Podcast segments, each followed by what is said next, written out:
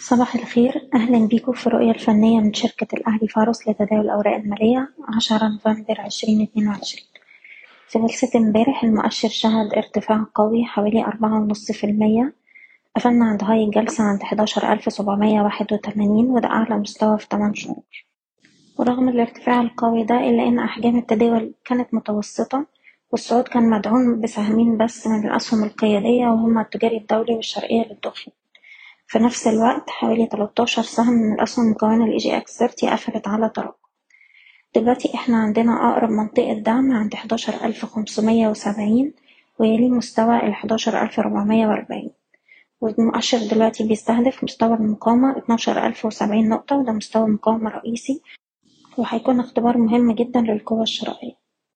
وبالنسبة للسي اي بي بعد الطلعة القوية لجلسة امبارح أقرب مستوى دعم دلوقتي عند الأربعة وتلاتين ستين ويليه مستوى الأربعة وتلاتين جنيه ومستويات المقاومة عند تسعة وتلاتين تسعة وتلاتين تمانين.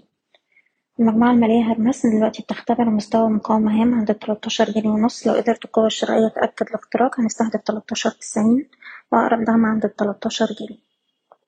سهم النساجون عنده دعم هام عند سبعة جنيه خمسة وتلاتين بنحتفظ في المستوى ده وبنستهدف مستويات سبعة جنيه خمسة وتمانين باختراقها تمانية خمستاشر.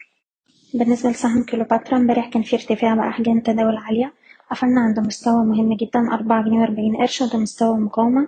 لو قدرنا نخترق المستوى ده الأعلى هيفتح لنا الطريق للأربعة جنيه وسبعين قرش.